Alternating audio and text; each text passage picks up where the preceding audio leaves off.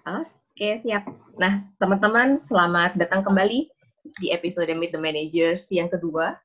Uh, minggu lalu kita udah uh, mengadakan episode yang pertama. Terus yang kedua ini kita um, kembali lagi dengan saya, tapi bukan sebagai narasumber. Kemarin narasumbernya uh, uh, Uh, cuman uh, sekarang ini aku akan jadi MC teman-teman semuanya. Uh, tentu akan nemenin teman-teman selama kira-kira jam ke depan. Nah, uh, di sesi kali ini tentu udah ada narasumbernya dong. Ada pakar keuangan kita yang siap jadi narasumber untuk sore hari ini. Pengalamannya udah nggak main-main nih teman-teman semuanya. Jadi uh, dia udah malang melintang di bidang keuangan kurang lebih 9 tahun pendidikan finance di dalam maupun di luar negeri. Uh, dan uh, sekarang yeah, menempati posisi mentereng sebagai VP Finance dari Fast Financial Group. Kita sambut semuanya. Susan. Halo. Halo. Gimana kabarnya WF Hasan sebulanan ini? Aduh, boros banget. boros banget ya, malah lebih boros ya. Kemarin baru, baru lebih boros aktif dari Shopee. Selamat, kamu udah jadi member Platinum. Wow. saking seringnya ini ya, saking seringnya yeah. belanja online ya. Jadi yeah. lebih konsumtif nggak sih selama WFH ini daripada pas kerja di kantor? Kerja di kantor? Mungkin jadi jajan ya. Terus si Shopee, Tokopedia, eh, Shopee tuh sangat sering kasih gratis ongkir. Jadi bikin pengen pengen pakai gitu. Jadi kayak jadi tergoda ya. Beli satu, beli dateng terus suka belakangan tuh lagi suka insomnia. Jadi gue tuh jam empat jam lima tuh baru bisa tidur. Nah jadi kalau selama jam masih boleh jam tiga jam jam dua jam tiga tuh gue udah mulai browsing Shopee tuh. Emang ya kalau ada HP dan cuman apa namanya uh, tinggal klik-klik pakai jari doang tuh emang temptation banget ya buat kita ibu-ibu ya. anyway, teman-teman, uh, sebagaimana yang kita share juga di uh, tema kita untuk sore hari ini, cukup menarik tapi cukup berat ya tentang financial planning atau perencanaan keuangan nih di masa krisis COVID-19 ini. Nah, sebelum masuk ke situ, mungkin uh, teman-teman kita ini nggak semuanya backgroundnya keuangan nih, San. Jadi, uh, bisa jadi memang ada pernyataan yang menarik kalau dibilang anak muda saat ini tuh minim sekali mendapatkan financial literacy. Jadi uh, pengetahuan tentang keuangannya atau perencanaan keuangan tuh sangat rendah. Nah, ternyata hanya 29% dari survei OJK di tahun 2016 dan ini didukung oleh data dari youth.gov yang menyebutkan bahwa hanya 18% anak muda di US yang mempelajari skill fundamental ini. Nah, bisa aku simpulkan nih, kayaknya nih berarti anak muda zaman sekarang tuh uh, hampir nggak punya pengetahuan dan akibatnya jadi kurang bijak ya kelola keuangan. Benar nggak sih menurut kamu?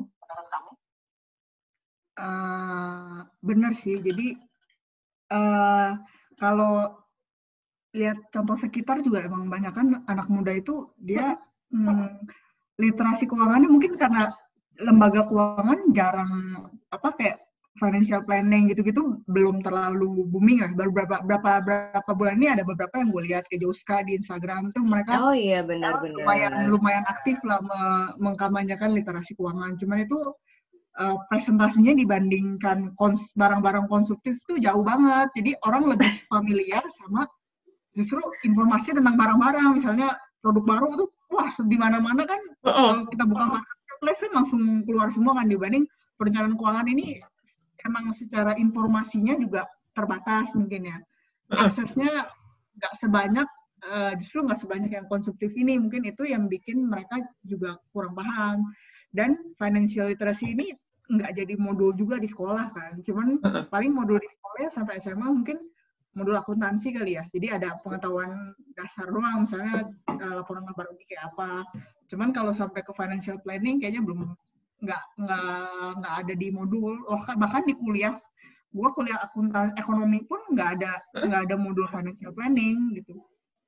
Hmm I see. Nah uh, berarti ini sebenarnya ini merupakan salah satu bisa dibilang kayak kerugian ya. Kalau misalnya orang nggak punya pengetahuan tentang perencanaan keuangan dia kan mungkin bisa kebijakannya kalau dia mau ngeluarin duit untuk pengeluaran atau misalnya untuk tabungan itu gitu. dia mungkin agak apa namanya nggak ngerti kali ya pertimbangannya apa sih sebenarnya kalau gue harus uh, apa namanya ngeluarin ini untuk cicilan misalnya atau misal uh, berapa sih yang harus gue save untuk tabungan atau investasi gitu kali ya? oh uh, iya salah satunya itu. Jadi mereka uh, karena banyak gue juga menemukan banyak orang tuh cenderung hidupnya ngalir aja. Karena ada beberapa orang kayak gitu ya. Jadi mereka nggak terbiasa untuk merencanakan. Makanya mereka juga nggak dapat informasi dan nggak terbiasa merencanakan. Jadi ya jadi apa yang mereka lihat tuh mereka beli aja terus. Gitu. Hmm. kayak misalnya emang terutama yang kebutuhan-kebutuhan yang mungkin menurut mereka uh, primer nih buat mereka. Kayak contoh uh, eh, gue punya adik ya dia kerja di Unilever which is uh, mungkin secara salary lumayan nih tapi hmm. dia nggak punya tabungan malah sama sekali. Jadi semua nampung uang dikit langsung dia beli mobil. Nampung uang dikit dia dia liburan ke Jepang gitu. Jadi begitu ditanya sama nyokap gua nggak punya tabungan sama sekali gitu. Padahal ya penghasilannya oh, lumayan. Lumayan ya pasti di atas UMK lah ya harusnya kan kalau misalnya ya, di levelnya udah asisten manajer pula jadi wow. bisa sampai habis gitu yeah. setiap bulan. I see, I see. Nah, kalau kayak gitu nih sebenarnya uh, untuk di sesi ini tuh relate banget karena kebanyakan yang masuk ke sini itu uh, misalnya teman-teman kita ini yang baru join uh, rata-rata kan baru lulus misalnya terus baru kerja gitu ya atau mungkin satu dua tahun uh, lulus terus mereka kerja. Nah somehow untuk bisa ngelola keuangan dengan baik nih biar nggak besar pasak daripada tiang. kalau aku dulu pakai perhitungannya tuh pemasukan dulu, terus habis itu aku ngitung dulu savingnya dulu. Jadi instead of pengeluaran, aku hitung dulu savingnya yang berapa yang mau aku simpen, investasinya berapa, baru habis itu pengeluaran. Jadi pengeluaran tuh ngikutin sisanya lah. Kalau sisanya cuma segini, ya udah uh, ngirit makan misalnya kayak gitu. Nah, ada juga temen yang ekstrim dari pemasukan, lalu habis itu poin kedua cash out-nya itu dia uh, punya untuk sedekah atau zakat kalau misalnya buat umat Islam gitu. Jadi untuk untuk ngasih ke orang uh, yang membutuhkan dulu. Nah, kalau menurut Susan sendiri nih, sebenarnya mana sih yang benar ada formula yang pakem nggak untuk rencana keuangan?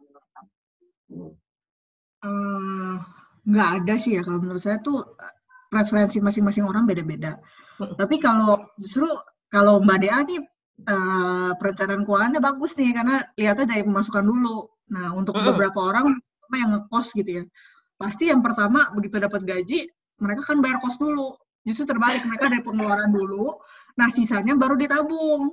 Jadi mereka nggak yeah. ada nggak ada kalau misalnya yang uh, saya lihat, apalagi yang punya cicilan, yang yang punya uh, fixed cost lah istilahnya. Mereka biasanya cenderung uh, bayar-bayar dulu, baru terakhir ditabung. Nah, sayangnya itu sih karena kalau gue termasuk yang sama kayak Badea, kalau gue malah lebih ekstrim. Jadi mm -mm. begitu masuk tabungan, mm -mm. udah deposito semua, ya mm. masuk gaji semua. Jadi gue harus bertahan.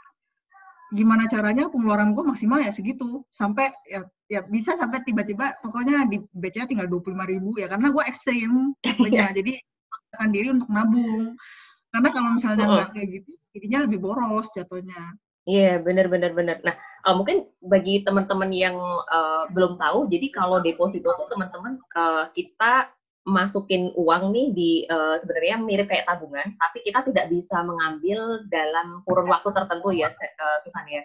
Misalnya tiga bulan, enam bulan, sembilan bulan, dua belas bulan gitu teman-teman. Jadi selama tiga bulan tuh kita nggak bisa ngambil sama sekali tuh uangnya yang kita masukin ke situ. Tapi uh, bunganya tuh biasanya lebih tinggi dari bunga tabungan gitu. Nah itulah yang namanya uh, deposito itu salah satu dari bentuk investasi. Nah kalau misalnya kita nih apa apa namanya? aku lebih penasarannya ke kalau misalnya tadi banyak banyak juga anak-anak muda yang ternyata mereka tuh begitu dapat dapat apa namanya gaji langsung pokoknya ke pengeluaran dulu. Udah nggak mikir lah mau saving berapa apa investasi berapa ya.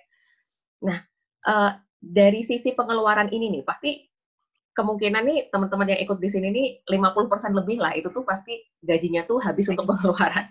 Entah pengeluarannya yang apa aja ya posnya ya.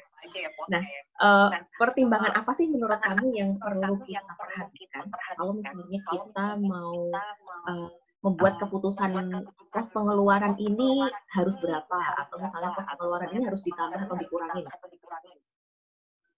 Uh, jadi sebetulnya uh, kalau skala prioritas itu ada empat uh, ada empat diagram lah ya empat empat diagram jadi uh, ada klasifikasinya tuh ada yang important and urgent mm. not important but urgent ada yang uh, important but not urgent sama yang hmm. terakhir not important not urgent jadi mm. kita itu sebelum kita mau beli sesuatu, baiknya kita klasifikasiin dulu nih.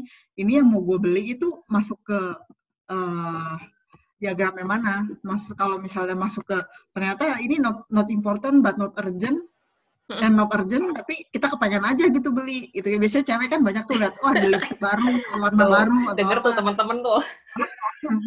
Nah itu kalau misalnya not important not urgent sementara kita ternyata uh, uangnya ada pas-pasan lebih baik ditahan dulu jangan dibeli kecuali emang ada uang berlebih. Nah, mungkin yang kalau dari aku sih yang yang di dibeli dulu prioritasnya yang urgent dan important emang emang kita sangat butuh. Kayak contoh misalnya nih gue baru beli uh, bangku ya.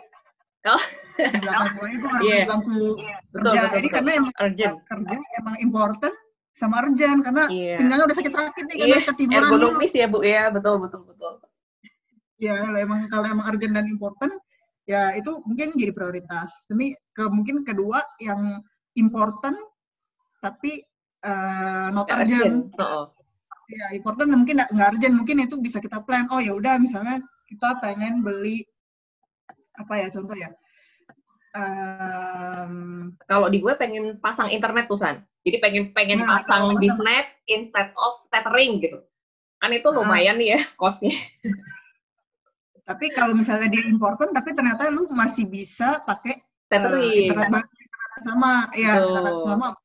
Kita bisa plan misalnya kalau emang budget bulan udah tipis, uh, bisa plan oh ya udah gue mau mau pakai itu di bulan kedua misalnya. Jadi bulan-bulan eh bulan dua sorry misalnya ini dari Januari kita lihat-lihat nih. Oh ya udah gue targetin Maret nih gue mau pasang. Nah mungkin mm -hmm. dari dari Februari itu udah kita udah mulai siapin dana untuk kita beli.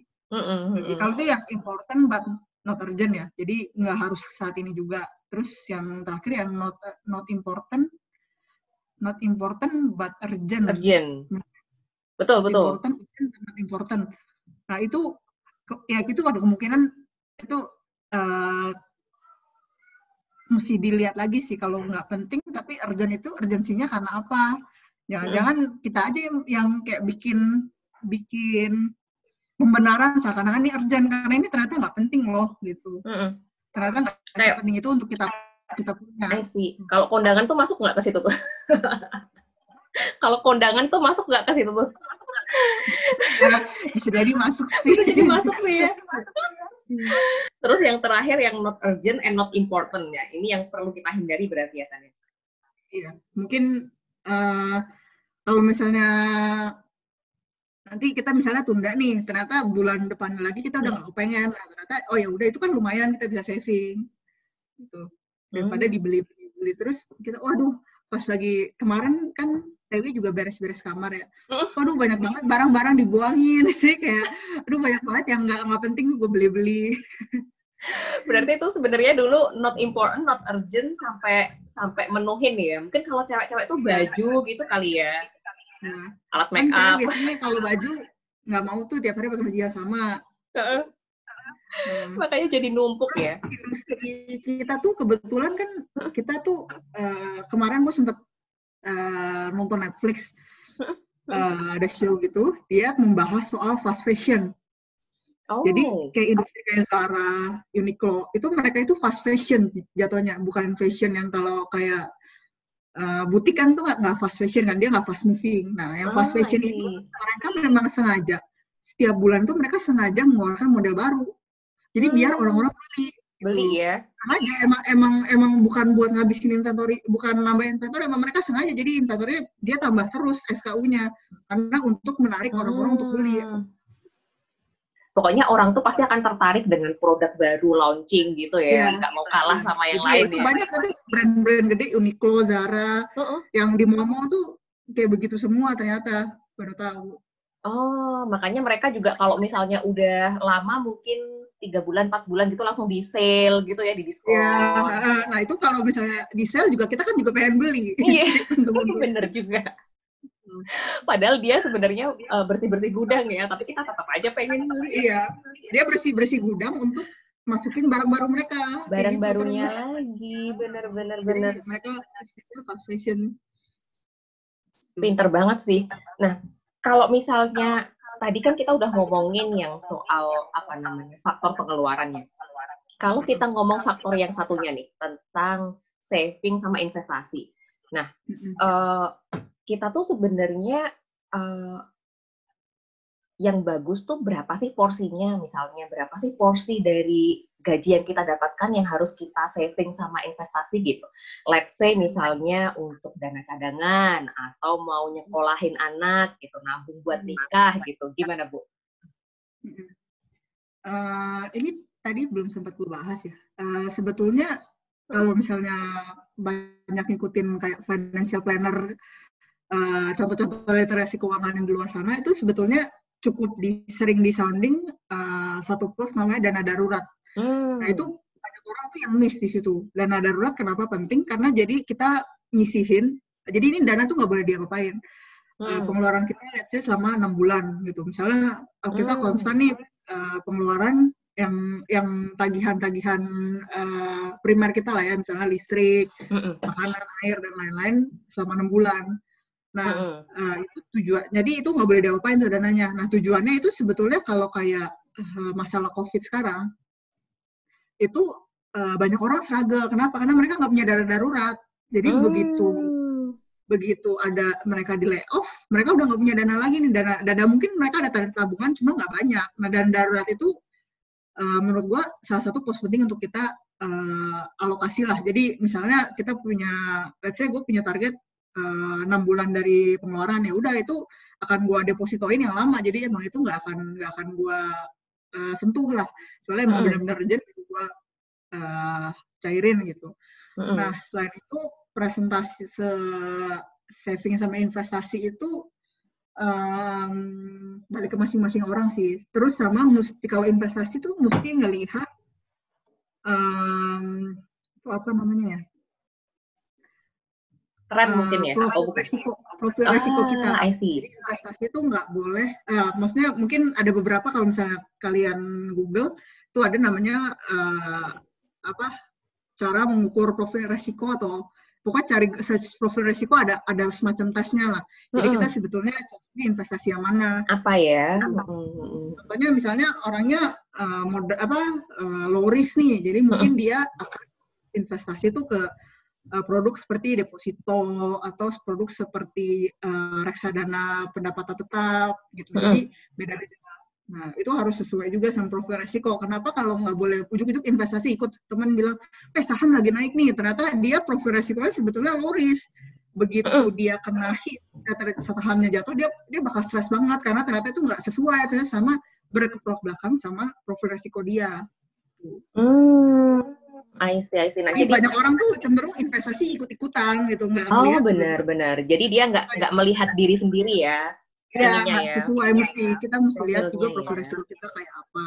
Oh. Kalau saving, eh kalau gue kan ekstrim ya, jadi gue 50% tuh bisa bisa sampai 50-60% tuh masuk saving. masuk Cuman saving ya. kalau common common eh, disarankan sih minimal 20-30% lah masuk saving. Jadi eh, misalnya punya cicilan, jadi maksimal di 30% sih sebetulnya. Jadi sisanya tuh di eh, inilah, jadi misalnya 20% tuh ke tabungan, 30% tuh ke cicilan, 50% tuh untuk kebutuhan kebutuhan sehari-hari. Sehari-hari ya yang pengeluaran tadi ya. Biasanya eh, ya, tapi itu kalau misalnya bisa lebih ba- bisa lebih tinggi sih ya lebih baik. Ya, tapi permasalahannya orang-orang itu ketika dapat adjustment gaji, mereka lifestyle naik. Jadi yang dinaikin tuh bukan persentase tabungan, tapi persentase kebutuhan. Itu yang salah gitu. Jadi harusnya kan Oh. let's say dapat 10 juta. Dulu Iya, bisa benar, tabung benar. 2 juta. Begitu jadi 15 juta, bukan nabungnya naik jadi 5 juta tapi kebutuhannya yang naik gitu.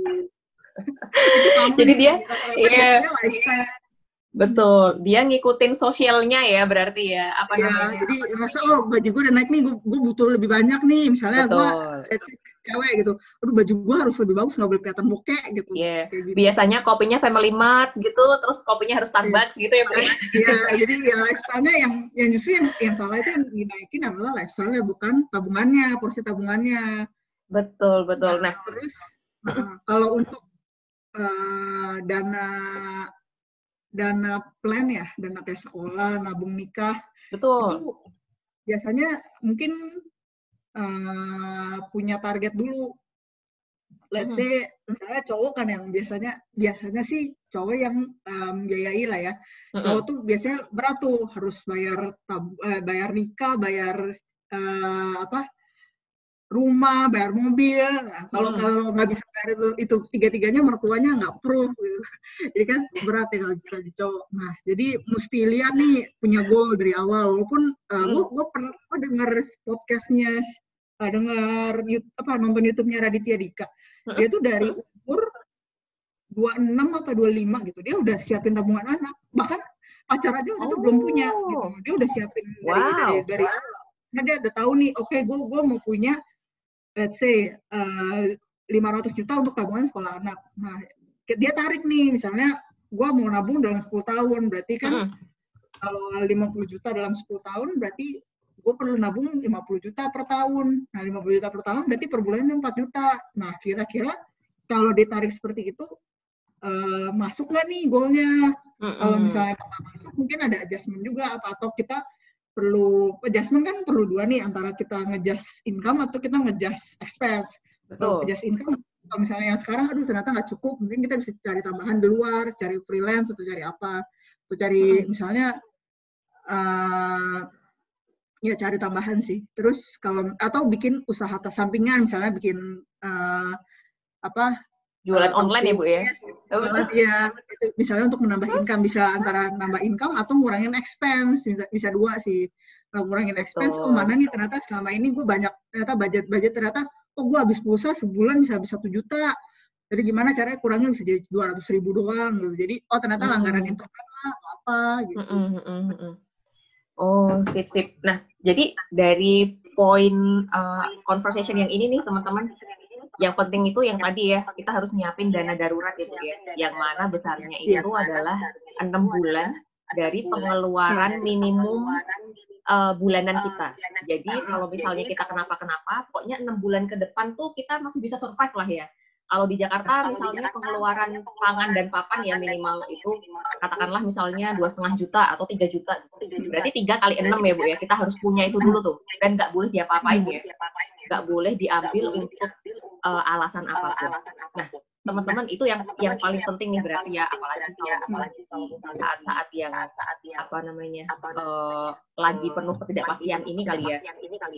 Kalau misalnya tadi yang investasi nih, uh, kan kita sebenarnya uh, ngomongin yang investasi itu kan idealnya kita harus tahu profil kita sendiri dulu tadi ya. Misalnya kalau iya, kita apa namanya orangnya takut-takut, berarti jangan investasi yang penuh dengan ketidakpastian itu ya misalnya saham yang gitu-gitu ya Bu. Itu bisa jantungan kita ya. Malah iya, sakit. Ya, jadi makanya banyak orang juga takut investasi karena itu rugi ternyata. Nah, sebetulnya bukan investasi yang bikin rugi, tapi mm -mm. dia dia nggak sesuai sama profil resikonya dia. Betul. Nah, kalau misalnya uh, katakanlah nih, uh, berarti kalau kalau profil resiko itu kan biasanya uh, dalam investasi itu kita sering tahu yang namanya istilah uh, high risk high return. Jadi risikonya tuh lebih tinggi, tapi nanti sebenarnya returnnya atau gainnya atau profitnya tuh sebenarnya tinggi juga gitu ya. Misalnya saham.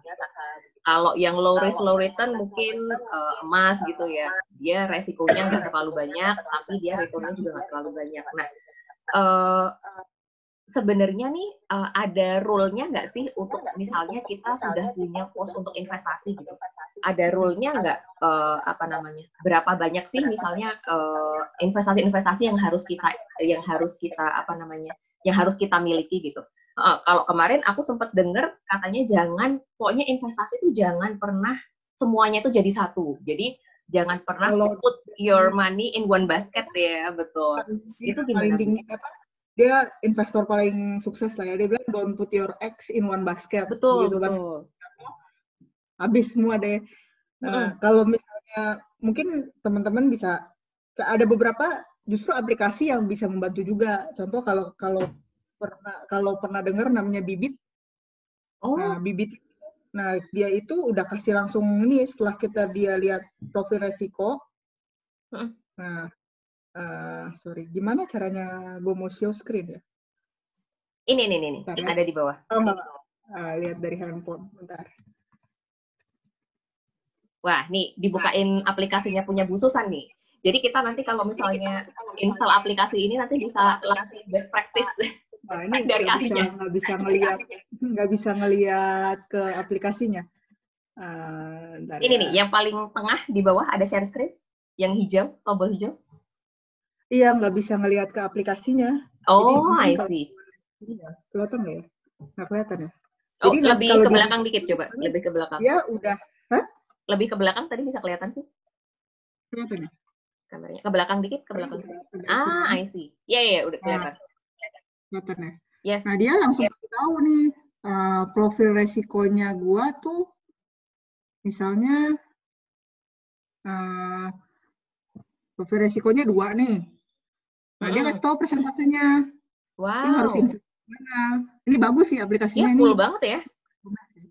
User friendly juga. I see. Kalau oh. teman-teman baru pertama kali hmm. ini boleh dipakai sih. Jadi oh. di sini juga kalau kalian bingung kan, kalian bingung kan persentasenya baiknya gimana nah dia akan hitungin berdasarkan uh, ini tapi kalau misalnya teman-teman nggak ikut juga nggak apa-apa jadi misalnya kan gue lihat nih di gue banyak kan di pasar uang nih dari dia tapi gue mau invest saham lebihan kita juga kita juga boleh ini cuma ya, rekomendasi rekomendasi ya betul betul tapi ya kalau untuk orang-orang yang first timer itu membantu banget karena mereka kan nggak tahu ya mm -mm. perlu apa gitu betul betul wah ini nih bibit investasi reksadana otomatis ini ya. Wah, terima kasih sudah ya, dia sudah ada, kasih tahu. Banyak sih aplikasi nggak cuma bibit, ada ajaib, ada yes. beberapa lah. Jadi banyak aplikasi juga yang uh, ini uh, robo land, uh, robo apa? Uh, dia akan investasinya berkala bulanan. Nanti tiap bulan nanti dia akan ingetin, eh bulan ini nabung loh gitu. Nanti akan dididak gitu dari rekening. Ada uh -uh. juga yang eh kayak gitu. Oh, I see, I see. Nah, sebenarnya oh, mungkin teman-teman tuh ada yang ada yang bingung kenapa sih kita harus saving atau kenapa sih kita harus investasi itu ya. Uh, sebenarnya sih kita mungkin balik lagi ke apa namanya keinginan pasti kan keinginannya semua orang tuh nantinya pengen nggak usah kerja tapi punya pasif income kali ya bu ya. Jadi duitnya tuh ngalir terus gitu tetap dapat pemasukan bulanan gitu ya nah uh, investasi itu sebenarnya salah satu cara untuk tadi ya Bu, biar kita tuh sebenarnya nggak usah terlalu berkeluh kesah kerja yang tapi tapi uangnya tuh ngalir terus ya pendapatannya tuh ngalir terus gitu.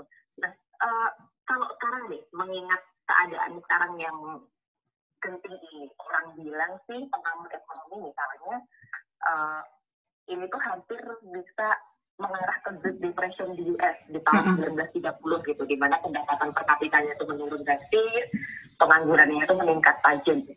Nah, ideally nih, kalau misalnya kita tadi sudah bagus uh, literasi hmm. keuangannya, kita punya dana cadangan, punya tabungan, investasi, dan yang lain-lain kan enak ya. Hmm. Tapi kalau misalnya nih, ternyata teman-teman yang ada di sini tuh banyak yang belum punya atau sudah punya tapi belum ideal gitu. Mm -hmm. Misalnya tadi dana, oh dana daruratnya aku sudah punya nih tapi cuma satu bulan misalnya. Okay. Apa sih kira-kira kan yang perlu kita persiapkan secara finansial mm -hmm. untuk menghadapi krisis? Mm -hmm. Mungkin uh, misalnya kalau sekarang uh, untuk menambah income mungkin lebih susah kali ya. Betul. Kalau melihat uh, orang-orang di yang di PHK banyak banget mm -hmm. dan mm -hmm apa uh, mungkin nyari income tambahan saat ini lebih susah lah. Jadi mungkin yang orang-orang yang dulunya pengangguran, jadi sekarang makan makan porsi di mana kita bisa nambah nih uang apa eh, nambah income. Jadi mungkin secara income kita uh, relatif nggak uh, bisa nambah. Jadi bisa nambah, yang betul. bisa kalau gua selalu berpikir uh, kita harus mulai dari apa yang ada di tangan kita. Start always start with what's in your hand. Jadi wow. apa sih yang ada di tangan kita? Misalnya betul betul. Yang bisa kita uh, kontrol. Contohnya misalnya pengeluaran yang uh, bermulanya dari kita kayak shopping itu kan bermulanya dari kita. Tapi kalau yang kita nggak bisa kontrol kayak uang kos, uang kos ya mungkin bisa minta diskon kali ya. Tapi kalau misalnya emang ibunya nggak mau, itu kan bukan sesuatu yang bisa kita kontrol gitu. Uh-uh. Kalau itu kan tergantung kemauan si landlordnya. Kalau misalnya nggak bisa dikontrol, kita nggak punya inilah nggak apa agak susah gitu untuk kontrol. Jadi yang bisa hmm. uh, teman-teman cari yang bisa uh, teman-teman kontrol apa yang ada di tangan kalian. Nah itu bisa mungkin bisa di reduce dulu nih ke keinginan-keinginan yang tadi yang sebenarnya ya nggak nggak penting-penting banget sih atau enggak ya nggak urgent-urgent banget sih itu mungkin kita bisa tunda dulu sampai uh, keadaan yang lebih stabil lah karena ya kita nggak pernah tahu ya nanti tiba-tiba ada layoff atau apa itu kan kita nggak pernah tahu. Mm -mm, betul betul. Sebagai karyawan sih mungkin nggak enaknya di situ. Cuman sebagai pengusaha uh, kayaknya lebih susah jadi pengusaha sih untuk di Indo ya saat ini ya karena benar-benar kalau uh, baca berita uh, pemerintah itu justru pro-nya lebih ke uh, orang yang ekonomi di bawah ke uh, ekonomi di bawah gitu. Kalau orang-orang pengusaha itu kayak nggak di cenderungnya kayak nggak disupport gitu. Kalau ya, di belum diperhatikan gitu ya. Dipaksa kayak pengusaha dipaksa bayar THR, pengusaha hmm. disarankan tidak kenal karyawan. Sementara pengusaha nggak punya pendapatan gitu. Betul. Sebenarnya menurut, menurut di saat ini justru pengusaha yang lebih pusing sih. Sementara uh, padahal kalau misalnya kita boleh ini boleh bilang pengusaha itu sebetulnya uh, mereka itu yang support ekonomi kita. Iya, jadi, betul, betul, betul. Pajak pengusaha itu yang uh, hire karyawan, jadi orang betul, bisa betul. kerja. Gitu. itu andil dari pengusaha, tapi mm -hmm. sangat disayangkan sih di Indo itu pengusaha itu agak kurang mendapatkan support lah. Cuman ada satu satu yang pemerintah sebetulnya udah support untuk pengusaha yaitu uh, relaksasi kredit. Jadi hmm. bisa sampai satu tahun kan. Jadi setidaknya mereka bisa nggak perlu bayar cicilan bank lah itu jadi mereka bisa berkurang jadi pemerintah kan ya balik lagi kayak yang tadi gue bilang kita kan nggak bisa nambah income jadi pemerintah merelaksasinya di bagian pengeluaran gitu pengeluaran yeah. jadi bagian cicilan bank mungkin direlaksasi sampai satu tahun itu mungkin dilonggarkan ya berarti ya usaha sama ada insentif juga dari uh, Menteri Keuangan hmm. untuk uh, dibebasin pajak Hmm. Ada beberapa industri yang PPh 21-nya dibebasin. Jadi kenapa di PPh uh, eh, itu sebetulnya mereka itu pengen uh, ekonominya bergerak lagi karena dengan orang uh, dapat uh, karena pajaknya kan di uh, relaksasi apa uh, kalau nggak salah untuk PPh 21 beberapa jadi uh, dengan amount tertentu ya gaji misalnya kalau nggak salah 10 ke 20 juta gitu. Hmm. Itu jadi PPh 21-nya nggak di nggak di nggak di nggak di nggak dipotong. Nah itu jadi kesempatan juga buat teman-teman yang dapat. Jadi dia bisa dapat secara income sebenarnya nggak nambah, cuman pengurangannya jadi pengurangan beban pajaknya jadi hilang gitu. Jadi mereka dapat uang lebih banyak, jadi mereka bisa uh, mungkin memenuhi kebutuhannya lebih banyak gitu. Jadi untuk tujuannya pemerintah pengen ekonomi mutar gitu. Jadi mm. makanya juga uh, suku bunga bank kalau misalnya sekarang deposito itu lagi kecil-kecilnya tuh. Jadi deposito cuma tinggal 5, itu tujuannya stimulusnya uh, menggerakkan roda ekonomi sih gitu. Hmm, Oke, okay. berarti malah uh, di saat-saat krisis ini pemerintah itu menyarankan agar orang itu uh, meminimalisir saving ya daripada konsumsi ya. Berarti pemerintah sebenarnya pengen orang ya, itu lebih pengen, banyak konsumsi. Ya, karena ya? kalau konsumsi kan dia bisa menopang beberapa misalnya small business. Jadi untuk bergerak, kalau nggak bergerak semua dari pemerintah, pemerintah juga nggak sanggup sih. Cuman kalau di beberapa negara itu pem, uh, pengusahanya dikasih grant. Kalau misalnya kemarin sempat ngobrol sama teman-teman dari Express, hmm? mereka itu dapat grant dari pemerintah sebagai sebagai company ya. Oh dari Jadi Singapura ya berarti ya? Ya, nah itu itu menurut gua lebih fair sih. Jadi pem, apa pengusaha juga dikasih sum, uh, subsidi lah secara langsung hmm. gitu. Jadi mereka uh, ya bisa membantu juga sih buat mereka. I see. Menarik nih ya. Berarti um, menurut Susan sendiri nih, apakah kita akhirnya di titik ini tuh perlu untuk ngambil semua uh, apa namanya uang yang yang yang di pos lain tadi misalnya ada yang di pos saving atau di pos investasi gitu apakah kita perlu mengambil itu untuk untuk jadi cash atau uh, intinya jadi uh, uang yang siap pakai gitu jadi tabungan tabungan atau gimana menurut Susan atau kita biarin aja nah, kalau aku sih kemarin uh, juga menghadapi dilema yang sama ya kebetulan ada pos investasi yang aku investasi di reksadana cukup banyak Nah, terus setiap hari melihat, aduh sih makin parah, ya, makin gitu parah, ya. nggak tahu juga. Iya. Kalau nggak tahu juga akhirnya jadi karena aku lihat kayaknya nih uh, uh, kan aku ada pos reksadana yang bukan reksadana pendapatan tetap ya, jadi dia uh, fluktuatif. Nah, yang itu hmm. aku sih jujur aku jual dulu gitu. Yang emang masih ada untungnya sih aku jual dulu semua kecuali yang pos yang uh, reksadana yang uh, pasar uang atau pendapatan tetap ya uh, ada satu reksadana tuh yang uh, dia benar-benar stabil. Kalau oh, masih dia stagnan lah ya. Masih stagnan ya, gitu ya. Setelah dicek lagi, jadi kalau misalnya ngecek di Bibit lumayan oke okay juga karena dia dia kasih tahu nih, misalnya produk ini, dia ini investasi ke mana. Nah setelah gua cek, ternyata kenapa dia cenderung stabil karena dia investasi deposito. Reksadana hmm. ini dia deposito sama surat negara. Itu kan uh, misalnya yeah. kita beli surat negara kayak uh, surat berharga retail itu kita hmm. dapat income tetap dari pemerintah. Jadi kalau gue lihat juga, gue kan ada juga kita, gue juga ada beli itu. Nah itu tetap jalan, jadi pemerintah akan tetap kasih kuponnya. Jadi makanya itu mereka cenderung tetap nggak fluktuatif, walaupun hmm. orang banyak yang narik gitu, karena mereka investasinya di tempat-tempat yang pos yang tetap. Tapi kalau misalnya pos yang fluktuatif, hmm. uh, eh, gue sih saranin kalau emang masih bisa kabur ya kabur dulu gitu sementara ya karena karena ngelihat ini baru-baru uh, permulaan sih. Soalnya kalau gue baca-baca juga uh, di berita pengusaha sekarang tuh uh, rata-rata punya cash tuh cukup untuk tiga bulan sebetulnya rata-rata wow. jadi misalnya kita start di Maret nih mulai PSBB mulai social distancing dan lain-lain. Uh, nah, jadi dari April, Mei, Juni, Mei dia harus berada. Iya kan uh, karena cuma sampai Juni itu, jadi uh, setelah Juni itu pengusaha nggak punya cash lagi nih.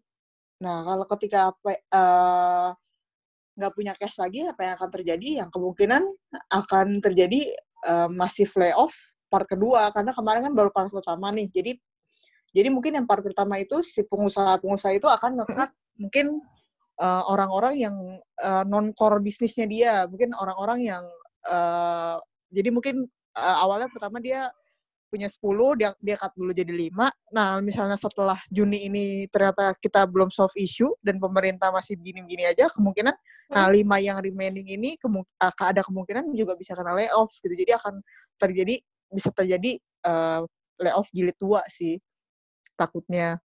Hmm, berarti sebenarnya gitu. kita harus bergandengan tangan kali ya sama pemerintah, pemerintah juga sama pengusaha, uh -uh. kita pun sebagai uh. konsumen maupun sebagai pegawainya dari pengusaha tersebut ya, untuk gimana menggerakkan roda perekonomian ini kali ya. Iya betul.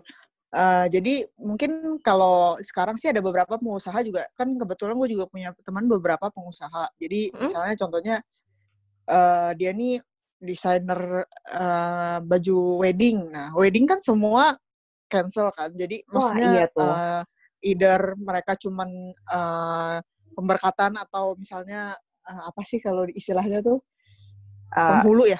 Iya, ya, penghulu, ke KUA doang, KUA ya. Penghulu aja. Betul, betul. Iya, atau atau mereka memang uh, mundur kalau mereka mau pesta. Nah, kalau kayak gitu kan semua yang di industri wedding pasti impact kan. Nah, kalau hmm. desainer yang mereka bisa lakuin karena teman gue ini punya punya karyawan sampai 10 untuk tukang jahitnya. Hmm. Nah, begitu nggak ada order, dia bingung nih, aduh gimana caranya gue menghidupi orang-orang ini. Betul. Kan mereka juga harus dibayar gaji pokok kan. Sementara kalau misalnya layoff semua, nggak ada yang nerima dia lagi gitu. Jadi ya mereka cari cara, ya udah kita bikin masker. Nah, biasanya mereka nawarin gitu. Nah, kalau misalnya emang kalau masker kan mungkin emang kita juga butuh kan. Jadi biasanya kalau masker kebutuhannya atau makanan yang emang bisa bantu teman-teman gue yang punya UK apa uh, istilahnya UMKM itu biasanya gue bantu belilah dari yang biasa uh, gue beli dari misalnya Gojek gitu.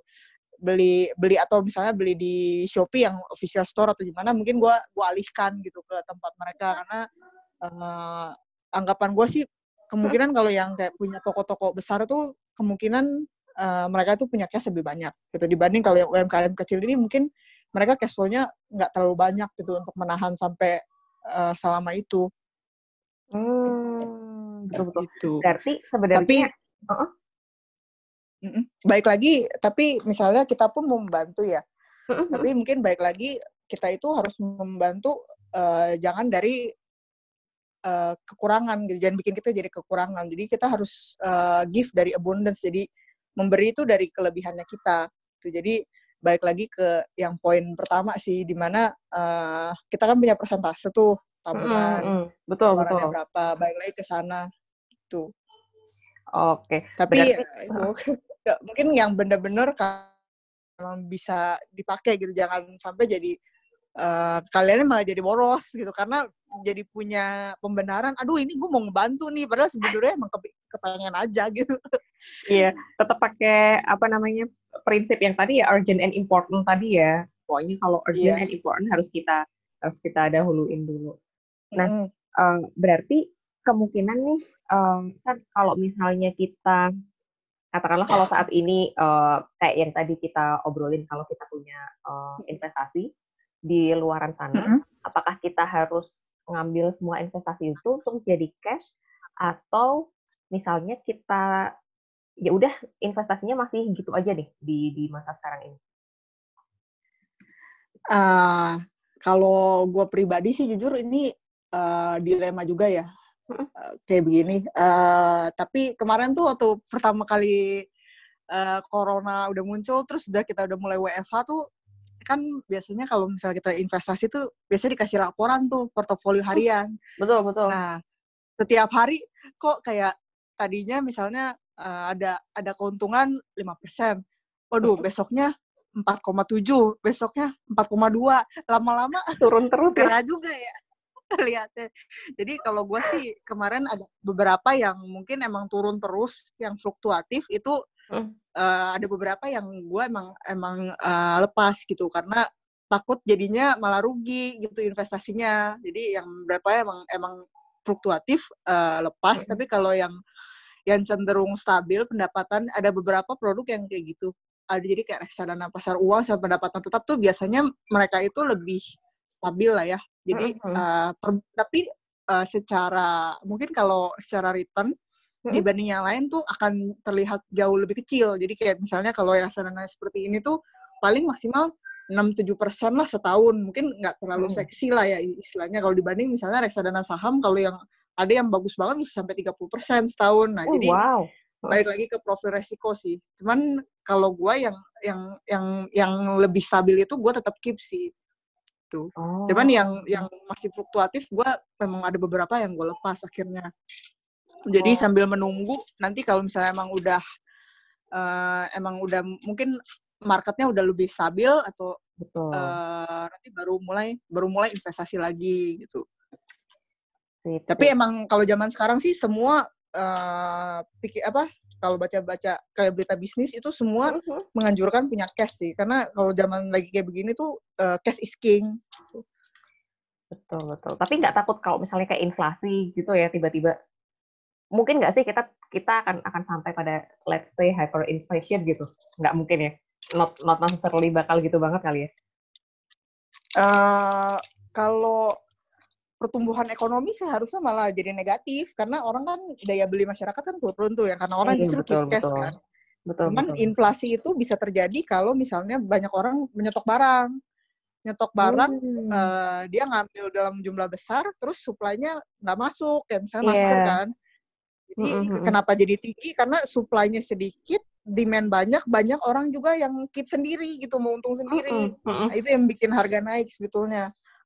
Karena di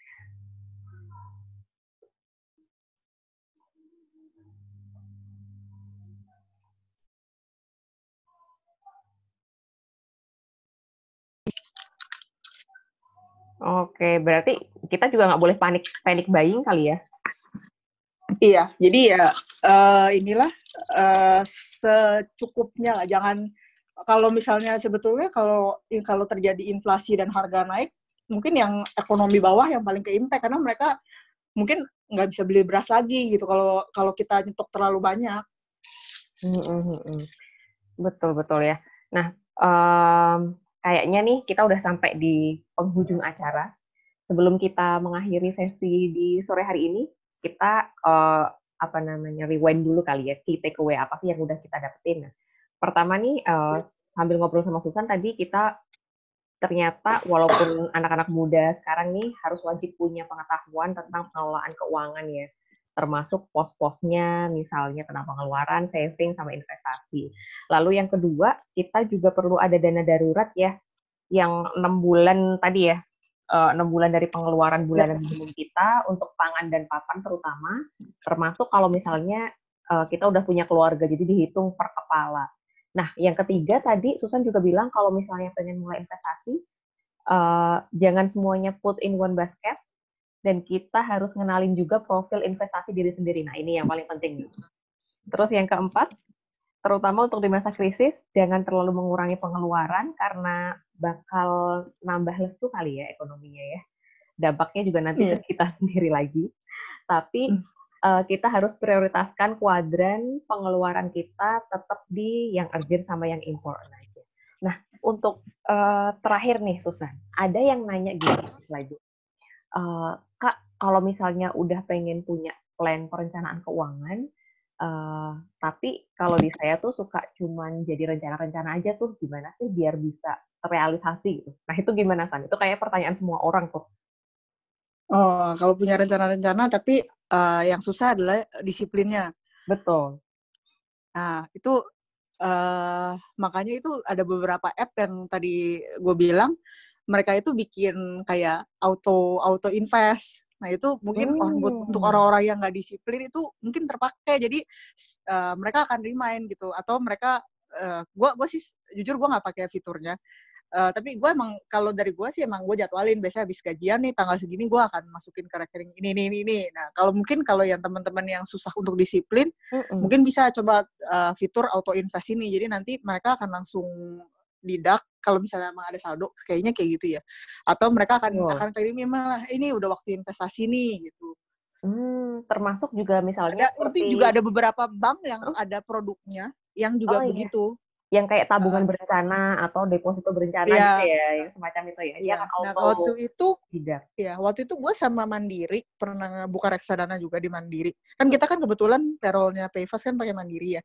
Betul, nah, betul. di Mandiri itu mereka juga jual produk reksadana. Nah, nanti dia akan oto, langsung otomatis motong dari tabungan. Jadi, tapi ya harus oh. lebih dari dari jumlahnya. Misalnya, emang kalian minta uh, minta oh ya udah uh, gue minta investasi sebulan dua ratus puluh ribu. Selama masih ada dua ratus lima puluh ribu, dia akan dia akan dia nggak nggak ngomong-ngomong lagi langsung potong. Gitu. Oh. Itu, itu iya. berguna sih kalau untuk yeah, yang mau betul. paksa jadi disiplin. Kalau aduh lupa nih gitu. Ya jadi langsung tiba-tiba hilang aja dipotong sama. Nanti tinggal minta laporannya sama Mandiri bulanan. Oh, betul betul betul. Jadi itu salah satu cara biar kita disiplin adalah kita harus dipaksa oleh diri sendiri iya. atau oleh aplikasi tadi. Iya. bisa disiplin. Wah, ide bagus banget tuh. Nah, jadi teman-teman uh, itu tadi uh, pesan-pesannya dari Susan, kita harus disiplin nih biar plannya bisa terrealisasi, apalagi di masa yang sekarang ini. Uh, sekian untuk sesi Meet the Managers episode kedua. Kita ketemu lagi di episode selanjutnya. Terima kasih Susan. Salam semuanya. Terima kasih. Stay safe semuanya.